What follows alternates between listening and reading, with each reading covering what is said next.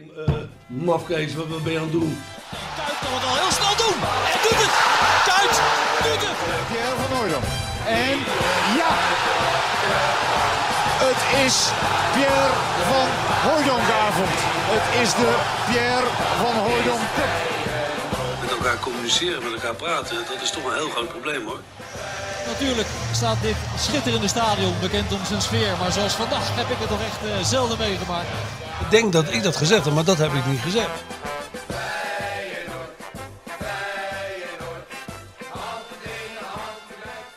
Dan ben je bestseller-auteur. Dan heb je alles meegemaakt in je leven en dan zit je nu achter zo'n uh, zo'n apparaatje een podcast op te nemen. Nou, het is een godswonder dat er überhaupt dat er verbinding tot stand is gekomen. Ik zit hier naast de hoofdredacteur van Voetbal International. Ja. Ik weet niet, weet niet wie die allemaal aan de lijn heeft gehad. Tot aan het Pentagon heeft hij gebeld om ervoor te zorgen dat de apparatuur werkt. Er zijn vier satellieten de verkeerde kant uit Ja. gegaan. Maar verder, uh, Ja. hebben we, als het goed is, hebben we nu verbinding. Ja, dus we, we kunnen beginnen. Bij de eerste Dik voor elkaar podcast. Ja, een uitstekende titel vind ik dat, de Dik voor elkaar podcast. Maar uh, we zijn gisteren geweest bij de eerste training. En het, het was eigenlijk wel dik voor elkaar. Hè? Ja, ja, zeker weten. Dus ik vond de stemming... Ja, nou, laten we zeggen, jij bent bij de eerste training geweest. Oh ja, jij kwam later. Nou, ik mocht niet. Eh, vanwege corona. Eh, er mocht er maar één verslaggever van VI. En op onverklaarbare eh, reden sta jij kennelijk hoger in de hiërarchie dan ik. Maar ik wist niet dat jij bij, bij ons werkte. Maar dat is Nou, goed, ik dat is goed om te weten dan. Ja, nou, ik ben toch, maak toch nu weer maar rentree. Ja. offici- In de officiële podcast. Nou, en ook niet zomaar een rentree. Dat dacht ik ook. Dus we zitten lekker in, eh, in Rotterdam. Ik dacht wel van, kijk, als ik dan toch meedoe weer met dat hele toneelstukje, Ja. dan ga ik me er ook mee bemoeien. En jullie redactie zit in Utrecht, dat vind ik De verder meren. prima. Ja, nou nog erger. De meren, dat vind ik verder prima. Maar een podcast over Feyenoord, die nemen we gewoon in Die Rotterdam. nemen we gewoon in Rotterdam. Dus we we zitten top hè, Ja, bij eh, de huismeester Ja. aan, aan de meent. Rotterdamse kan je het bijna niet hebben. denk ik. Nee, Rotterdamse kan je niet hebben. Aan de overkant zijn ze een hele straat aan het slopen, zoals het hoort in Rotterdam. Aan de achterkant ook, dus het duurt even voordat je er bent. Maar Ja. verder is het wel, eh, ja, het, is wel, het geeft toch wel een goed gevoel gewoon terug in Rotterdam. En gisteren natuurlijk ook weer bij die, eh, bij die, ja, jij was dan niet bij de eerste training. Nou ja, Nee, maar ik was daar wel heb je de honderd van gezien. Ja, precies. Maar jij, maar jij kwam wel op een goed moment toen de auto's werden uitgedeeld. Hè? Ja, ja. Nee, maar kijk, het is allemaal onzin. Die eerste training is onzin, er valt niks aan te zien. Die persconferenties, dat zijn natuurlijk helemaal toneelstukjes waar je in principe helemaal niemand er plezier mee doet. Maar het is gewoon lekker om in de Kuip te zijn, dat vind ik althans. Weet je Ja. wel? En dat is het gekke, het gekke van, de, van dat voetbal. En ook een beetje voor mij, eh, zeker van dat stadion. Eh, als het lang geduurd heeft, dan wil je er gewoon heen. Ook al valt er helemaal niks te zien. Ook al, ook al staat er een elftal van, waarvan je weet, dat wordt niks. Je moet er gewoon weer even zijn. Dus ik, dat vond ik wel lekker hoor. Maar jij en ik zijn natuurlijk vaker in die Kuip geweest dan eh, bij mede familielid of zo. ja, ja. ja. je, kent, je kent alles. Je kent de, de- alle, alle hoeken en gaten van het stadion ken je natuurlijk. Ja, nou moet ik wel zeggen dat. Kijk, jij, hoe lang schrijf jij nou al over Feyenoord fulltime, zeg maar? Full- Fulltime. Ja, Nou, eh, al, al een hele tijd, maar volgens mij rond 2004 was het zo dat, eh dat Snoor besloot om, om echt vaste clubwatches op, eh, Ja. op, clubs te zetten. Kijk, daarvoor deed je nog een beetje Sparta erbij, et cetera. Nu nog alleen Oranje en, en Feyenoord. En af en toe om, om ook eens wat andere mensen te ontmoeten, doe je wel eens wat, wat, wat erbuiten. Maar ja, sinds 2004 is eigenlijk vooral Feyenoord. ja. En maar jij was er al sinds? Eh, drie, eh, 93? denk, ja, seizoen 93, 94. Hè? Dus eh, toen, toen werd de. Ja, dat, we hebben het inmiddels over de middeleeuwen natuurlijk. Hè? Dat is meer dan 25 jaar geleden. Toen, toen werd de Feyenoordkrant opgericht voor het eerst. En daar ging ik, ik was toen free- een jonge freelance journalist. En ik heb van het- vanaf het eerste nummer eraan meegeschreven. Later werd ik hoofdredacteur. En, en, nog veel later ben ik zelfs in dienst gekomen, een paar jaar bij Feyenoord. Ja, ja, maar je begon gewoon daar als... eh, begon daar als jongste het, bediende. het initiatief van Jan, Jan, van eh, Jan D. Zwart. Ja, die had dat verzonnen. Dat was een briljant idee. Eh, hij, ik weet nog heel goed dat hij mij belde en hij zei van ik ga een krant beginnen. 24 pagina's op tabloid formaat. Die gaat alleen maar over Feyenoord. Wil je eraan meewerken? En ik dacht, dat is best een leuk klusje voor drie weken. Want, want dan zijn we wel uitgeschreven over die club. Hè? Wat kan je er verder over Ja. zeggen? Het werd een gigantisch succes. Zowel eh, in oplagen, we al heel snel eh, een oplage hoger dan HP de tijd. en ook qua. Kijk, later is het echt onderdeel van die club geworden en is het een beetje, eh, zoals dat gaat in deze tijd, allemaal wat, wat gepolijster geworden. Maar in die begintijd eh, hadden we eigenlijk voor zo'n clubkrant een hele goede redactie. Ja, dat was onafhankelijk ook. Hè? Redelijk onafhankelijk, ja. Want ik kan me nog herinneren dat een van de mensen die was aangetrokken... Kijk, we hadden bijvoorbeeld Hugo Borst. Hij heeft daar zijn eerste columns geschreven. We hadden eh, Jan Zwart zelf, natuurlijk een, een Feyenoord insider geweest altijd. Eh, Rob Vente, eh, Leo Verheul, Leo Verheul. eh, Koos Postema, Gerard Cox niet te vergeten. Maar ook Eh, de inmiddels eh, helaas al overleden Dick van der Polder, een nestor van de Rotterdamse journalistiek. Een hele... Dat kan ik me niet eens herinneren. Heeft, Ja, heeft Van ja. der Polder daar nog voor geschreven? Nou, ik kan me dat heel goed- 4-3-3 en eh, dat soort dingen? Ik kan me dat heel goed herinneren, want Jan heeft toen voor het allereerste nummer van die krant aan Dick van der Polder gevraagd of hij zijn analyse wilde schrijven van, het, van de selectie. En die heeft toen vanaf de nummer 1 tot de nummer 22 werkelijk iedereen afgebrand, op zijn manier. En ik weet nog dat de toenmalige hoofdredacteur Luc Brown, die ging toen met Feyenoord in het vliegtuig naar Akranes. Een wedstrijdje volgens mij, als ik het allemaal goed herinner. En eh, die deelde toen heel trots die krant uit aan die spelers van nou dit is hem. En binnen een kwartier kwam John de Wolf van achter het vliegtuig eh, naar hem toe en zei we hebben het eens even bekeken. We hebben besloten we praten nooit meer met jullie. Met het, met het met cluborgaan. het eigen cluborgaan. Dat was een goede start. Ja, dat was een goede Dat start. was ook wel een goede krant. Met, eh, zat er natuurlijk ook bij met zijn eigen hoekje. Ja. Helaas overleden onlangs. Ja, ja, zeker. Nee, dat waren echt natuurlijk iconen. En ik moet zeggen, ja, dat, dat waren ook mensen tegen, tegen wie ik zelf enorm opkeek. Ik las, ik las die stukken van Vente altijd. En ja, later is het een hele goede, goede vriend van me geworden. Maar toen was het echt wel een soort eh, idool voor mij op een bepaalde manier. Omdat hij, hij bracht ook humor in de, in de, in de voetbaljournalistiek. Hè? Nee hè? Ja, ze had zo'n rubriekje nee, hè. Allemaal van die, van die flauwe grappen en af en toe een briljante ertussen.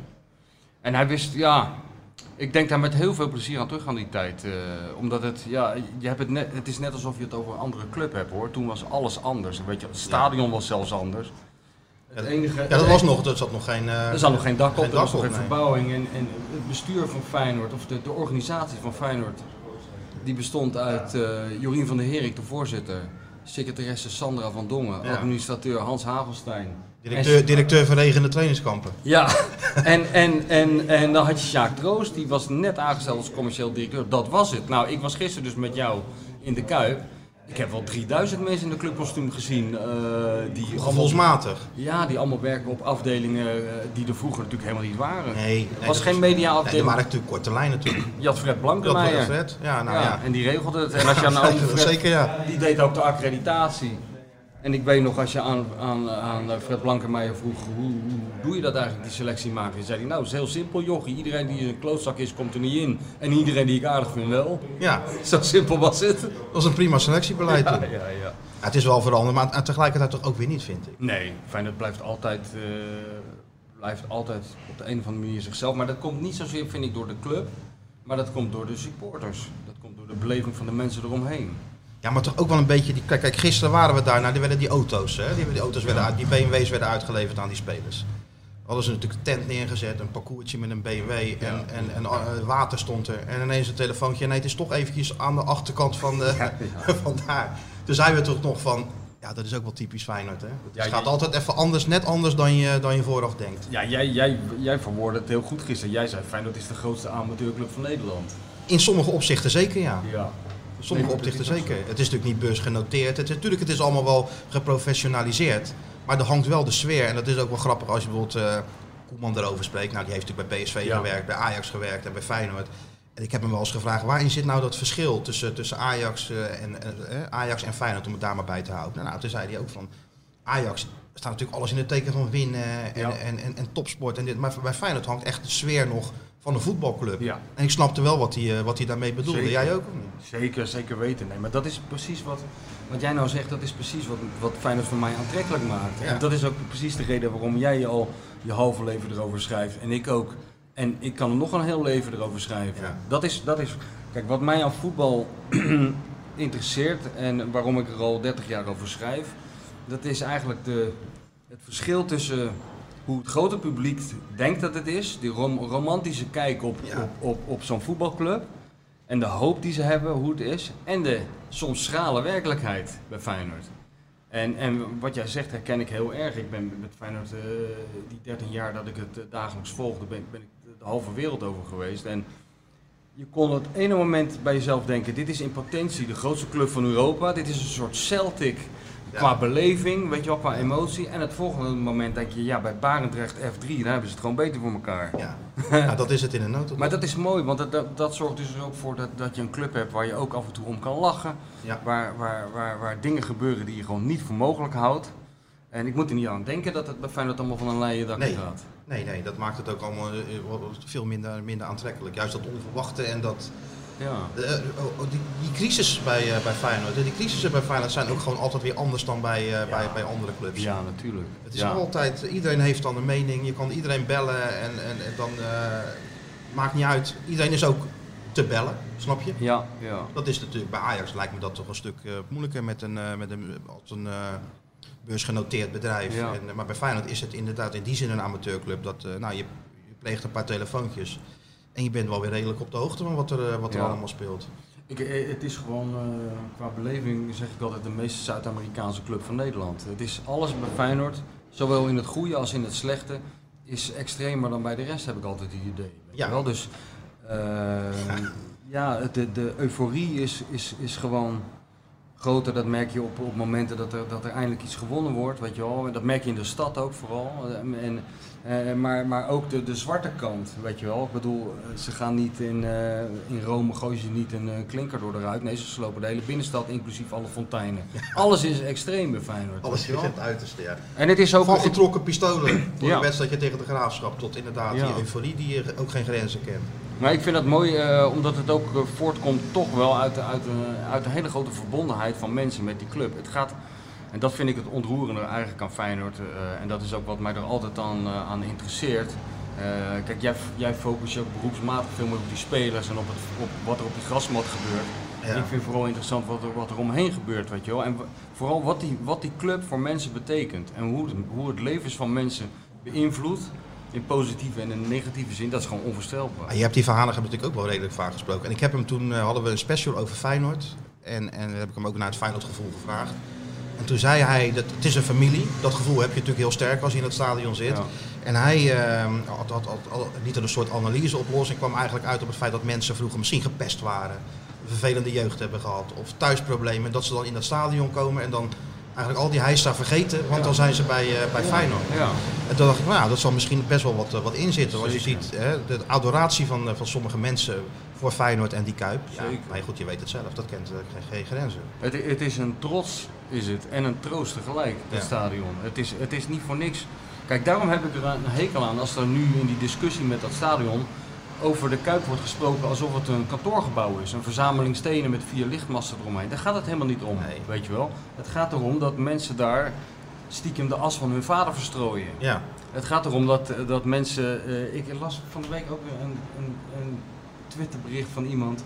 Die, had, die ik verder helemaal niet ken hoor. Maar die had een, een kind gekregen en die was er dan trots op.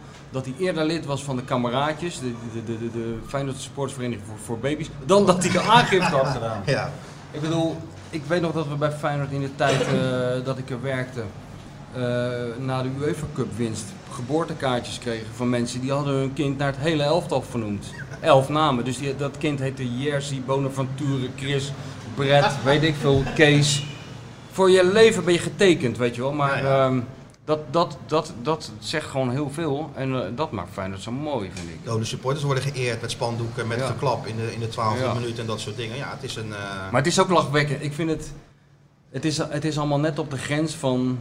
Het kan, het kan heel ontroerend zijn, en, maar het kan ook doorslaan naar verschrikkelijke ja, dat, dat kitsch. Is, dat, is, dat is zo, Ik ja. bedoel, de, de, de, de, ik vind aan de ene kant vind ik het eigenlijk schitterend dat je dus een club hebt waar een verzorger net zo wordt vereerd als een topscorer. Waar maak je dat mee? Weet je wel, Gerrit Meijer, die mensen tot tranen toe weet te bewegen door alleen met een handdoek boven zijn hoofd te gaan zwaaien. En, Maar, die, en die door iedereen ook ome Gerard wordt genoemd. ja, de oude Gerard, ja, ja.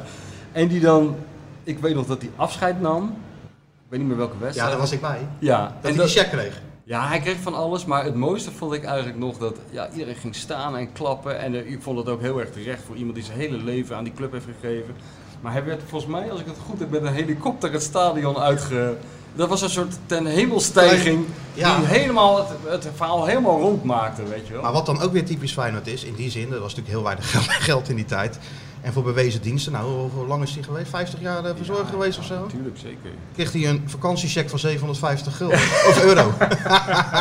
Ja, maar ja, Dat is dan toch ook mooi, hè? Ja, maar ik, ik, ik- nou ja, dat zegt... Kon hij nog even naar de camping na eh, 50 jaar werken. Maar hij wil helemaal niet naar de camping. Nee, hij hij wil in de kuip zitten. Ja, dat is natuurlijk ook zo. Ja. Eh, Blankenmeijer is tot, tot, tot later leeftijd in die kuip geweest. Eh, Meijer loopt er nog rond. Ja, ja. Afscheid nemen gaat gewoon moeilijk. Nee, nee, dat, eh, dat eh, gaat niet. Fred Blankenmeijer hebben ze er eh, in zijn hele lange carrière eh, een paar keer uitgegooid. En, eh, hij zei altijd, ze gooiden me door de voordeur eruit, maar ik kwam door de achterdeur altijd weer Het is binnen. net onkruid. Ja, ja, maar hij kon niet, hij kon niet Hij kan zonder. niet, kunnen niet zonder, hè? Ik weet nog dat eh, de laatste keer dat ze hem toen hebben geprobeerd te ontslaan, heb ik ook contact toen met zijn vrouw gehad en zo. En die, die zei dat vrijwel letterlijk, weet je wel. Van, hij moet gewoon terug, want hij kan niet zonder. Nee. Dat gaat gewoon niet.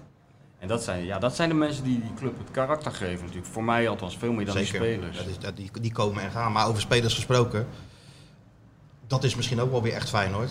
Er hebben natuurlijk wel een paar karakters rondgelopen bij die club. Hè? Ja. Dat, dan lijkt het toch ook of dat er meer bij Feyenoord lopen dan bij andere Nederlandse Het toppers. zal misschien ook met dat eeuwige, eeuwige geldgebrek te maken hebben. Hè? Kijk, we hebben het nou, jij vraagt net aan mij wanneer ben je begonnen. Nou, ik ben begonnen zo 93. Toen kwam Feyenoord natuurlijk uit een afgrijzelijke crisis. Uit, ja, uit, de HCS-periode. Uit de HCS-periode. Toen heb Jorien van der Herik, waar die eh, toch nooit echt alle credits, eh, genoeg credits voor heeft gekregen. Die heeft echt die club gered.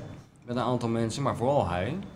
Eh, en toen hebben we die goal te- van, van Henk Vrezer tegen PSV gehad en, en, en de bekerwinst tegen Den. Bosch. Hè. Toen, dat, dat, was, dat, dat is onvergetelijk natuurlijk. Maar het gevolg, dat weet ik nog goed. En toen dacht ik al, ik kreeg toen als verslaggever natuurlijk meer een kijkje achter de schermen.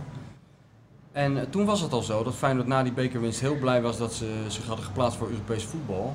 Maar de dineetjes voor bestuur wat op bezoek kwam van FC Luzern of weet ik wat tegen wie ze toen speelden, die, moest Jorien, die heeft Jorien uit eigen zak betaald. En de, en de ronde daarna betaalde Lundqvist, de voorzitter, het. En zo zijn ze doorgegaan. Helaas voor hun kwam Feyenoord dat is toen nog heel ver. Redelijk ver, ja. Maar, dat heeft, maar ik bedoel, dat is toch onvoorstelbaar? Ja, dat is onvoorstelbaar? En nu zijn we dus eh, bijna 30 jaar later en loop ik gisteren weer met jou eens eh, de kuip binnen. En waar gaat het over? Geldgebrek. Geldgebrek.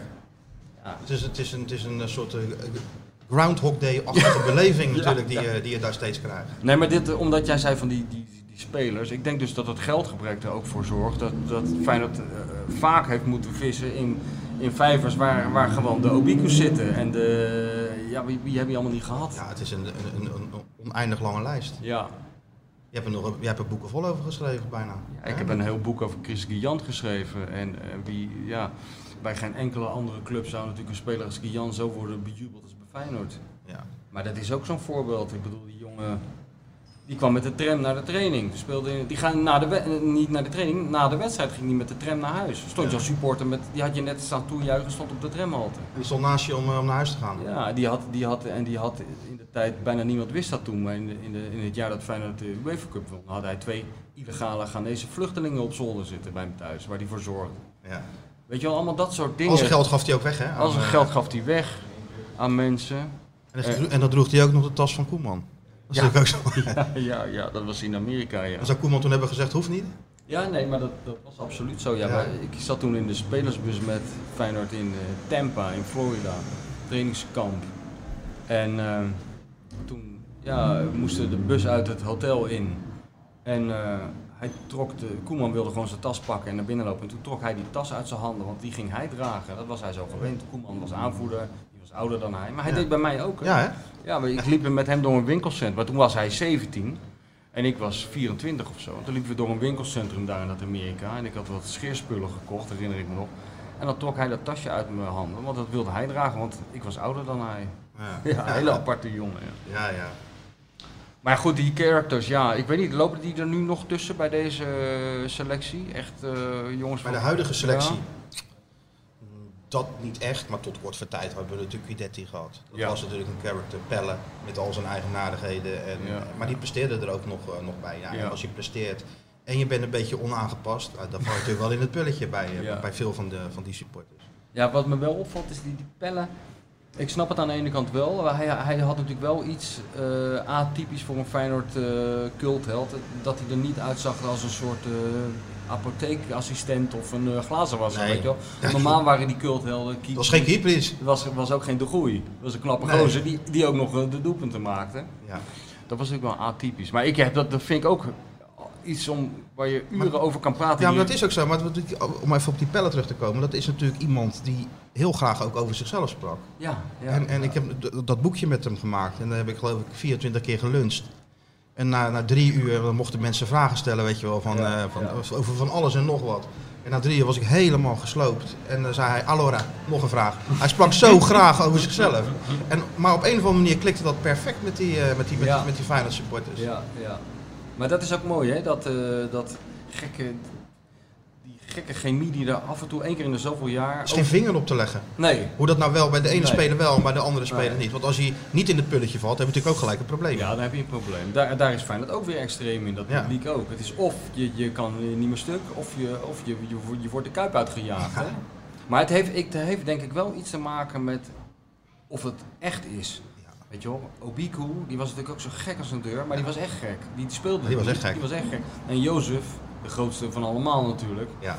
die was, die was gewoon zo. En wat mij ook altijd opvalt bij die gasten, dat ze het zelf niet snappen. Ik heb aan die keepers wel duizend keer gevraagd: van hoe komt dat nou, weet je wel? Dat, dat er tot 10 jaar, 15 jaar na zijn vertrek nog mensen naar Tatabanya trekken. De meest afgrijzelijke plek die je in Hongarije kan vinden. Er is niets te zien in Tatabanya, helemaal nul. Helemaal niks. Maar die mensen trekken erheen alsof het een soort Lourdes is.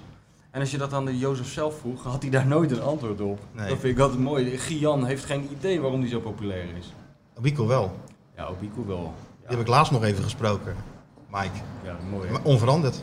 Ja, ja, ja. Hij heeft in zijn huis een, een, een groot schilderij eh, hangen waar hij dan naar kijkt. En herkent hij elke keer weer nieuwe dingen in zichzelf. En, maar daar praat hij ook gewoon openlijk over alsof het de normaalste zaak van de wereld is. Ja, sterker nog, hij praat ook tegen die foto's, heeft hij mij wel eens verteld.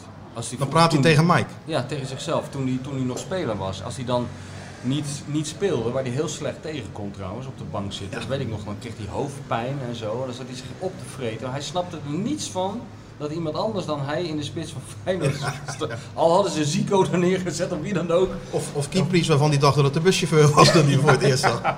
Maar om, om zichzelf dan moed in te spreken, heeft hij me wel eens verteld, dan ging hij voor zo'n foto staan. eh, waar, waarop hij dan stond afgebeeld na een doelpunt. En dan zei hij echt tegen zichzelf, kijk Mike, dat ben jij. En dat kan jij. En eh, weet je wel, hij sprak zichzelf moed in. Maar ook een mooi figuur.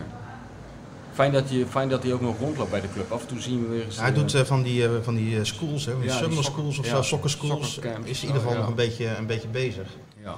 Ja, dat, ja dat, goed. Kijk naar, naar John de Wolf. Die heeft na zijn carrière natuurlijk alles aan gedaan, zijn hele leven lang, om toch maar weer op een of andere manier bij, bij Feyenoord binnen te komen. ja, dat is toch mooi. Dat is prachtig, ja. Dat vind ik ook. Dat hoort er ook gewoon een beetje bij. En ze- En zeker in deze tijd, weet je wel, waarin alles zo snel verandert, eh, heb je als supporter denk ik gewoon behoefte aan een paar vaste dingen. Daarom ben ik ook, eh, ben ik ook voorstander van dat er nou serieus wordt onderzocht of die Kuip niet gewoon gerenoveerd kan worden. Want ja, alles verandert in het voetbal, weet je wel. Er, wordt op woensdag een spelers een, een elftalfoto gemaakt, nou, op vrijdag is de helft al verkocht. Dus die supporters hebben maar een paar dingen. Dat zijn die, die, die oude iconen, dat is dat embleem, dat is dat stadion, dat is het shirt, die kleuren. Nou, dat soort dingen. Ja, en, en, en aan alles wordt geknibbeld. Het embleem is nou niet meer in de, in de kleuren op het trainings. eh, dat nou. viel jou ook gisteren op, al dat op, hè? viel mij op. Nou, wat mij vooral opviel, of niet opviel, ik had het gewoon gelezen dat daar gelijk heftige reacties Ja, op komen. Dat is bij geen andere club. Nee, maar ik vind dat goed. Ik vind dat goed. Je moet gewoon bewaken van wat, wat je club is in feite. Ja, ja wa- wat ik zeg, weet je wel, dat is een van de weinige dingen die onveranderd, eh, onver- onveranderd kunnen blijven bij een Mhm. voetbalclub. Alles wordt anders en, eh, en misschien moet dat ook hoor, om te overleven. Hoewel ik daar soms ook wel eens aan twijfel. Ja. Maar eh, zo'n embleem, dat is gewoon heilig voor zo'n club. Nou, blijf er maar gewoon met je klauwen vanaf. Ga niet aan een of andere hip eh, designbureau vragen of ze er iets beters van kunnen maken. Of ga er ook niet op bezuinigen. Maak het gewoon zoals het is, zoals het hoort. Weet je wel? Ja, ik begreep dat, eh, dat dat de lijn van Adidas was en dat Feyenoord er gewoon niks aan kon doen, dat ze het gewoon zo geleverd kregen. Ja, fuck Adidas. Wat heeft Adidas nou met het embleem van Feyenoord te maken? Ze moeten blij zijn dat ze het mogen sponsoren. Die mentaliteit moet Feyenoord uitstralen. Ja, dat is niet helemaal zo. Nee, natuurlijk niet. Nee. Ze staan met de hand op eh, voor elke euro. Dus- Ja, en dat is natuurlijk ook weer een beetje. eh, Om, over, we hadden het net over mensen die bij Feyenoord passen. Gek is dat er nu een trainer zit, Dick Advocaat, die helemaal in zijn heel zijn leven niks bij, met Feyenoord te maken heeft gehad. Ja, een paar keer gevraagd dat hij het, dat hij het niet, niet kon worden, omdat er weer wat anders tussendoor kwam. Maar hij werkte nu eerst als adviseur een paar jaar geleden, nu zijn tweede seizoen als, als trainer. Maar die man lijkt voor deze club gemaakt. Ja, inderdaad, ja. Ja, hij is ervoor geknipt, ja. Ja, het is heel raar. Ja, hij heeft er niet gespeeld, hij is geen Rotterdammer, hij heeft er geen verleden. Eh, hij is er zelf volgens mij ook niet zo heel sentimenteel over. Ik heb het idee dat voor hem, hij vindt het wel een mooie club, maar het is niet zo dat het een snaar bij hem raakt. Ja, toch wel. Ja, toch wel? Ja, toch wel. Bijvoorbeeld. eh, Ja, maar het is geen ADO voor hem of zo, dat gevoel. Nee, het is geen ADO ADO. hem. is zijn club, Ja, dat is toch? zijn club. Dat is natuurlijk van, van, van oudsher zijn, Ja, eh, zijn club. ja. Maar dat de, de, de, club Feyenoord en alles wat er, wat, er, wat ermee samenhangt, dat heeft hem natuurlijk wel degelijk eh, Ja. geraakt. Want zo, zo sentimenteel is hij natuurlijk ook wel weer. Heerlijk, ja. Maar, Maar, hij, ook, ook qua hij karakter, voelt- hè? Qua, qua, Ja, ja. Hij voelt dat dus kennelijk zelf ook, dat die club bij hem past. Zoals de club voelt dat hij bij, bij de club past, is het kennelijk dus ook andersom. Ja. Dat is ook wel grappig, want toen, eh, toen er sprake werd dat hij trainer zou worden, dat was nog voor Jaap Stam natuurlijk. Toen, Ja. eh, toen eh, Van Bronckhorst zei te, te willen stoppen. Zijn ze natuurlijk eerst bij advocaat geweest. Nou ja, social media ontplofte. Ja. Er lagen al spandoeken Ja, klaar van, van wat moet Feyenoord met opa. En dat is dan ook weer fijn dat als hij dan een jaar later komt en dan na een half jaar is het, eh, hè, maken ze nog net geen klein standbeeldje voor het stadion voor hem. Inderdaad, dat was ik alweer vergeten. eh, inderdaad, ja, hij werd helemaal niet... eh, Hij werd niet gepruimd, hij was te oud, het kon allemaal niet. Ja. Dat is ook Rotterdam trouwens. Hè? Even Ja, iemand begint de huismeester af te breken nu. Ja. Die zijn heel ontevreden over het geloof van ons. Nou, ik ben heel tevreden over in ieder geval de koffie bij de huismeester. Ja, uitstekend. Dat mag ook wel gezegd worden. Nee, maar het gek is dat, dat die dik, ja, het lijkt nou alsof het zo moet zijn. En een, een jaartje later, een jaartje eerder was het zo, Ja. dat, dat was opa. En wat moest hij? eh, Want het moest allemaal toch weer modern, een beetje zoals PSV nu heeft met die, eh, met, met die Smit, die Duitse. Nee, Ja. dat moest ook bij Feyenoord. Ja. Ja, en dan komt er een, eh, een, een, een, trainer die het al, al, al 40 jaar op zijn eigen manier doet. Old school. Ja, en dat past dan toch bij deze, bij, bij deze club. Ja, ja. Nou, maar daarom ver- verheug ik me ook op, eh, ik verheug me op heel veel dingen het komende seizoen. Maar ik verheug me ook op die confrontatie tussen, tussen het PSV van, eh, van eh, zo'n professor en gewoon Dick. Die En doet Dick. Zoals die 40 jaar geleden ook deed. Die zijn handen spuugt en huppakee, Ja. we zijn fit en we gaan er gewoon... Ja, dat is... Ja. Ja. Maar Ja, ik denk, hoe zou dat... Die botsing van stijlen is inderdaad mooi. Ja, ja. En ehm, hoe, hoe denk je dat het komt dat hij... Want het is niet alleen zijn persoonlijkheid, weet je, hij valt in het pulletje en hij voelt voor die club. Oké, dat snap ik nog wel, dat is een gevoelskwestie. Maar hij heeft ook waanzinnig gepresteerd natuurlijk. eh, toch? In die hele reeks wedstrijden. Eh, Ze stonden, wat was het, 15, ze stonden 12 en 15 punten achter op, eh, op, op, op Ajax en, en AZ. En Ja. dat waren er nog maar zes. Ja. En hij heeft zich geplaatst voor de, voor de Europa League, wat natuurlijk in eerste instantie de doelstelling was. En wa- waarvan je ook maar moest eh, afwachten of dat nog goed zou komen. Ja, Ja. wat heeft hij gedaan? Dat is natuurlijk misschien het mysterie van, eh, van het afgelopen seizoen. Hij is gewoon gekomen. Wat, wat, wat, wat afspraken met die spelers gemaakt. Op een andere manier gaan trainen. Ja, en er gewoon als een... en er gewoon bovenop gezeten, elke dag weer. 72 jaar. En als je die spelers ook vraagt, is het geen moment rust. Nee. Zit er echt, en dat doet hij ook heel veel zelf nog. Hè. Het is niet zo dat Nee. hij als een, als een hiddink allemaal mensen neerzet Nee, nee, en dan eh, in een cappuccino gaat, gaat roeren en, en, en gaat wachten tot, tot het goed komt. Dat is natuurlijk ook een manier die heel succesvol is geweest. Maar hij zit er gewoon elke training weer bovenop alsof hij 45 is Ja, als trainer. ja. Dat is toch knap. Hij heeft de bullshit allemaal weggekapt, hè? dat Ja. denk ik ook. Die spelers hoeven niet meer naar urenlang eh gelul te luisteren, schat ik zo in. Nee, Hij brengt het terug tot de essentie. En ze zijn een beetje bang voor hem, toch? Ja, het mooiste was bij zijn allereerste training. Nou, de- zijn reputatie was hem een beetje vooruitgesneld. Want die spelers zeggen, oh, advocaat zit boven, advocaat zit boven. Wat, die, de- wat die spelers nou deden, dat was af en toe dat ze in die, in die kleedkamer een beetje gingen zitten kaarten. Een beetje pokeren, weet ik veel wat ze tegenwoordig allemaal voor spelletjes spelen. Die tik was die kleedkamer ingekomen en had daar zo- zo'n spel kaarten zien liggen. Dus die pakt daar zo'n, eh weet ik veel, ruit de aas uit dat pak en nam hem mee. En op een gegeven moment ging hij die spelers toespreken. Nou jongens, eh, we gaan vanaf nu beginnen op mijn manier, dit en dat. En daar hoort in ieder geval dit niet bij. Dat over die, de, als een soort Hans Klok, die, eh, die, die kaart uit Oh, daar was ik graag bij geweest. Ja, en dan zei hij van, we gaan niet meer kaarten in de kleedkamer, we gaan gewoon trainen, over voetbal praten en eh, succes verder. Nou ja, het zijn kleine dingen. Ja, Daar hoef je geen professor voor te Nee, zijn, maar nee. blijkbaar heeft dat toch heel veel indruk gemaakt op die Ja. spelers. En als je dan een paar wedstrijden gaat winnen, ja, dan, dan kom je in een soort, volgens mij was het Leo Beenhakker die ooit zei, zolang je wint kan je spelers in bomen laten klimmen, dan doen ze het ook. natuurlijk. Ja, dat is ook zo, ja. Het gaat om... ehm, voetballers hebben volgens mij behoefte aan twee dingen echt essentieel. Dat is duidelijkheid, weten wat er van ze verwacht wordt. En ze moeten het idee hebben dat die trainer een beetje eerlijk is. Dat Ja. ze een kans krijgen, weet je wel, dat er geen andere dingen meespelen. En dat heeft hij natuurlijk in extreme mate, die dik. Het is allemaal zo helder als glas, hè. Ik bedoel, er kan geen twijfel over bestaan Nee, dat er zeker niet. verwacht wordt. Maar als we nou kijken naar jou, eh, sinds jij begonnen bent bij, eh, bij Feyenoord, heb je natuurlijk ook trainers, een heel veel trainers meegemaakt. En de beste, of die het meeste bij Feyenoord passen, die waren zichzelf. Hè? Ja. Als je kijkt naar Beenhakker, Ja. als je kijkt naar Van Hanegem, als je kijkt naar, naar, naar Advocaat. Ja. Geen uitvinders, maar gewoon voetbal, voetbalmensen. Gewoon, hè? Zeker, zeker. En ook, het zijn allemaal trainers, die, precies die drie die jij nou ook noemt, en, en een beenhakker eh, die staat dan eh, op nummer 1. een gevoel overbrengen op die groep, weet je wel. Het, gaat, het zit helemaal niet zo in die looplijnen Nee, en, eh, en, dat, en de opstelling. Het gaat erom of die gasten er zelf in gaan geloven. Wat, wat Dick ook heeft gedaan. ja. Eh, Ik heb vroeger samengewerkt met Frank Hitsert, journalist. En die heeft het, vind ik, heel goed samengevat. Die zei, Feyenoord is de club van eerst geloven en dan zien. Dat is het gewoon. Weet Is je wel? het. Dat geldt voor de supporters, maar dat geldt ook voor de spelers. Je moet er eerst in geloven en dan kunnen er ook hele gekke dingen gebeuren.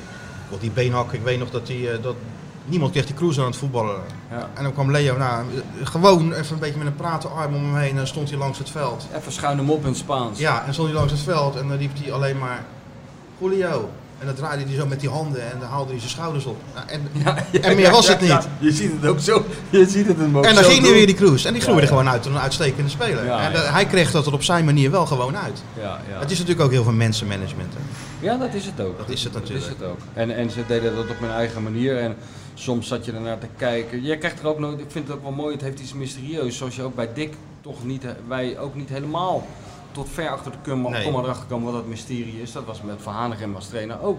Kijk, Van Hanegem als trainer, in mijn herinnering heb ik hem nooit iets anders zien doen dan positiespelletje en een partijtje. En 9 van de 10 keer stond hij of met zijn handen op zijn rug eh, naar te kijken. Of hij lag in het gras met een sigaret op trainingskamp. Een beetje met Henk en, en John de Wolf te praten. En, en als, als die gasten dan opstonden, dan voelden ze zich lekker. En dan wisten ze wat ze moesten doen en dat werkte gewoon. Ja.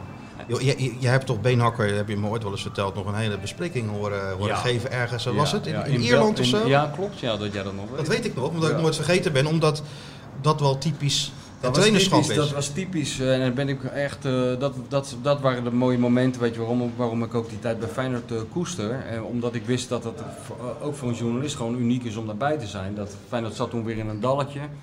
Hadden, moest een wedstrijd spelen tegen Glentoran volgens mij in Belfast, einde van de eh, toernooitje. En die gasten zaten allemaal niet lekker in de vel. En er werd een wandeling gemaakt, zo'n, zo'n, meestal zo'n dodelijk saaie wandeling. En dat ging over dat, eh, over Stormend, dat landgoed. Daar zijn altijd die bes- besprekingen met de IRA, tussen de IRA en de Sinn Féin en de Engelse regering. Dat was eigenlijk historische grond. En dan loop je dan met zo'n voetbalelftal. En op een gegeven moment, eh, dat slofte allemaal en al die schouders die hingen. En die Leo die had dat gezien en die, die zei bij, eh, bij een of andere eik, zei die gaan allemaal eens even zitten. En ze moesten allemaal zitten, het waren net padvinders. Ik heb er nog een foto van gemaakt. Alleen een kleermaker zitten een beetje. En toen ging die staan. En toen ging die grote show beginnen, hè? Met een hoop gezucht en gedoe en grappen en grollen en met zijn hand door zijn haar en over zijn gezicht. En dat duurde een half uurtje. En die gasten eh, gingen weer verder wandelen en die liepen opeens twee keer zo hard. En die schouders die zaten opeens weer zoals ze moesten zitten. En hij, hij kwam toen naast me lopen en ik weet nog dat hij tegen mij zei... eh, heb je ervan genoten? Ik zeg, nou, ik, ik vond het een geweldige show. Hij zegt, als ik ooit één letter over lees, breek ik allebei je benen. ja. Maar ik heb het later toch wel opgeschreven, toen was het inmiddels... zo. Maar dat was gewoon, toen dacht ik van, ja, die man heeft iets. Kennelijk, die brengt een soort energie over op zijn manier. Ja. Die gewoon dat, aanslaat. Dat heeft advocaat ook. Ja. Dat had Van Hanegem ook op zijn manier. Ja, ja, het is wel natuurlijk. Op een gegeven moment is het. Eh, je, moet het niet, je kan het niet constant blijven herhalen, hè? want dan ben je gezien als Het is trainer. twee, drie jaar en dan eh denken spelers, ah, daar heb je hem weer. Nou, ik weet nog dat toen Bena, nou ja, dat zegt, toen Benakker kwam als trainer. Toen eh, nam hij die spelers met de, de, kleedkamer in en zo. Die waren even een uurtje weg. En toen ging de deur open en toen kwam Kees van Wonderen naar buiten. En die zag eruit als iemand die net van de show van, van André van Duin terugkwam, weet je wel. Die had gewoon tranen in zijn ogen van het lachen. Die zei, we hebben nu een trainer, jongen. Dat is gewoon, dat moet je gewoon eigenlijk opnemen en, en op televisie uitzenden. Maar na, na een tijdje, toen het uitgewerkt was, dan komen spelers naar buiten en dan doen ze hem na, hè? Ja, en, dan, en dan weten ze wat, wat, wat hij zegt. En En dan zuchten wat, en dan ja. die bewegingjes maken. En dan, is, het- dan is het een beetje, die magie is dan een beetje voorbij. We hebben ook nog wat, eh, wat vragen in, eh, doorgespeeld gekregen. Ja. Dan moet jij dan maar beantwoorden, jij hebt er verstand van. Ja, maar, ja, ja, ja, maar dat mag jij ook gewoon doen. Oh, oké. Bedoel, het is- moet niet allemaal op mijn schouders terechtkomen, deze dik van elkaar. Jij voelt wel natuurlijk. druk. Ik voel de druk nu al. Ja, één vraag die we binnen hebben gekomen is op welke positie moet Feyenoord zich nog versterken? Nou, die zal ik maar be- beantwoorden. Hè. Dat is op de linksbackpositie, want hebben ze maar één speler, nu die eh Malatia geblesseerd is. En nog een middenvelder erbij. Als het aan dik ligt, komt er in elke linie nog een speler bij. Ja. Maar er is geen geld, daar hebben we het al over gehad. Ja. Een andere vraag is, eh, ja, misschien kan jij die wel beantwoorden. Wat is jullie mooiste dik advocaat moment? Nou, ik moet zeggen, ik heb hem zelf helemaal niet zo heel vaak meegemaakt. Alhoewel, ik heb voor, of twee jaar geleden zo'n boek over Rob Jansen geschreven, de zaakwaarnemer. Dat is ook een beetje de, de man die eh, advocaat af en toe bij een club neerzet. En, en toen heb ik een weekje in eh, Istanbul gezeten, in dat hotel van hem. En, eh, Windham, daar ben ik ook nog geweest, ja. ja, ja, ja. Had hij dan weer de suite uiteraard. Ja, ja, ja, ja. Hij moet ook naast dat stadion. Had, hij, hij had een geweldig huis, vertelde hij, een penthouse wat helemaal over de Bosporus uitkeek. Ja, maar daar zat hij alleen in. Daar zat hij alleen in en ook niet naast het stadion. En hij moet naast Hij het moet, hij moet een lobby hebben waar de koffie kan drinken. Ja, ja, ja, maar goed, ja. ga verder. Nou, wat, wat, wat, wat ik. Ik heb vroeger een tijdje bij Holland Sport gewerkt, als je dan nog wat zegt, dat programma Ja, van de. VPRO met eh, Matthijs van Nieuwkerk en Wilfried de Jong. En ehm, Wilfried ging toen een, een, een interview met eh Dick Advocaat doen eh, in een hotelkamer in de Dick Advocaat suite. Ja, dat hè? weet ik nog, ja. Ja. Dat was mooi, ja. En eh, ik weet nog dat ik eh, Wilfried, eh, we hadden toen contact over de telefoon en ehm, Wilfried doet, ja ik vind een geweldige gozer sowieso, maar ook een hele goede interviewer, omdat hij heel intu- intu- intuïtief werkt. Hè?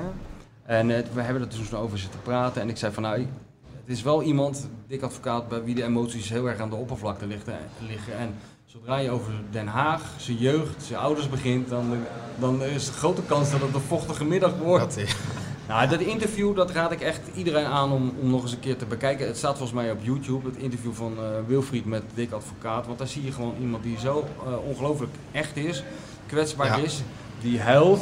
Het ging over zijn vader en, en, zijn en- vader en de- en de, de eigenlijk- tranen stonden al in zijn Ja, ogen. hè? Eigenlijk ging over zijn moeder eigenlijk. Ah, bleek, bleek wat eind van het verhaal. Maar, maar vooral eh, een man eh, op die leeftijd in de macho-wereld die de voetbal, voetballerij is, die, die gewoon openlijk huilt.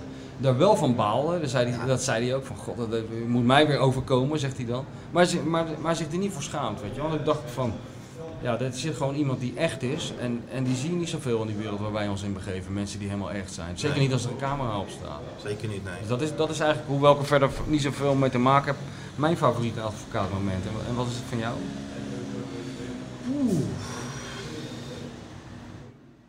Daar moet ik wel even even heel erg over nadenken, want ik volg advocaat natuurlijk al, eh, al, al, al, al jaren. Dat hij je laptop toen eh, terug wist te vinden toen je hem in Dat is, in de eh, dat is- had laten Nee, liggen. dat is ook wel wat, ja. ik, ik naar Vennebartje voor die wedstrijd tegen Feyenoord en een reportage op dat koor en Mario Been daar zaten. Nou, het was natuurlijk wel één groot feest met die twee. Ja. En wat jij ook terecht eh, opmerkte, was het gisteren nog tegen Tik. De een had een heupprobleem en de ander zat Ja. met zijn knieën. Ja, dat- Ze zaten in een appartement en dat was net zo stijl als Alpe d'Huez. Venerbahce had gewoon drie kreupele mannen gekocht. Precies, en dan was Mario Been nog net iets, iets, iets fitter, dus die versnelde dan bergop, dat, dat koor het niet kon bijhouden. Nou, dat soort dingen. Daar ging het dan heel de week over. En, en vlak voordat we naar het vliegtuig gingen, nog even afgesproken met Dick om een laatste kopje koffie te drinken op het eh, trainingscomplex van Vennerbahce. Ik stap uit en wandel zo dat eh, trainingscomplex binnen. En ik zat eh, daar aan de koffie en dacht, hé, hey, mijn laptop zit nog in de taxi. Gelukkig een bonnetje waar dat, dan dat bedrijf op stond. Maar ja, vind maar een taxi in Istanbul terug. Daar rijden geloof ik eh, 4,6 miljoen. Ja, ja. Dick bellen met een of andere Turkse assistent erbij. En, en een moeilijk gedoe. En, en Dick zegt, eh, ik denk dat het wel gelukt is. En 20 minuten later Ja. inderdaad kwam die de taxi weer voorrijden. Want de trainer van Fenerbahce had gebeld. Ja, dat was wel inderdaad een prachtig moment. Dik voor elkaar. Ja, is, voor elkaar, eh, dat is toch een goede naam voor deze Ja, podcast. ja, de magie van Dick. Hij magie van tovert, Dick. hij tovert laptops tevoorschijn, hij, hij tovert punten tevoorschijn. Het is niet te geloven. Hij laat spelers boven zichzelf uitstijgen. En hij is zichzelf. Ja, ja, als hij drie wedstrijden verliest, branden we hem trouwens helemaal af. Dat hoort er ook bij, ja. Zo is het ook wel weer. Dan, dan, dan, dan, dan, dan, Frits Korbach zei ooit, en daar is zo'n club is Feyenoord ook wel, de zwaar is niet met witte zakdoekjes, maar met afgescheurde keukenrollen. Ja, klopt, ja. Ja, ja. Dan wil ik maar hopen dat deze eerste Dik voor elkaar podcast is ook, ook is opgenomen door, Ja, door Freek Jansen. Ik acht die kans heel klein. En anders was het gewoon, hebben we gewoon zelf een leuke, een leuke Ja, ochtend gehad. leuk. Ja, toch? Je, je raakt nooit over uitgepraat of ze het nou opnemen of niet. Kan ons Zo is dat. Keeper is. Kan uithalen. Jozef. Ja!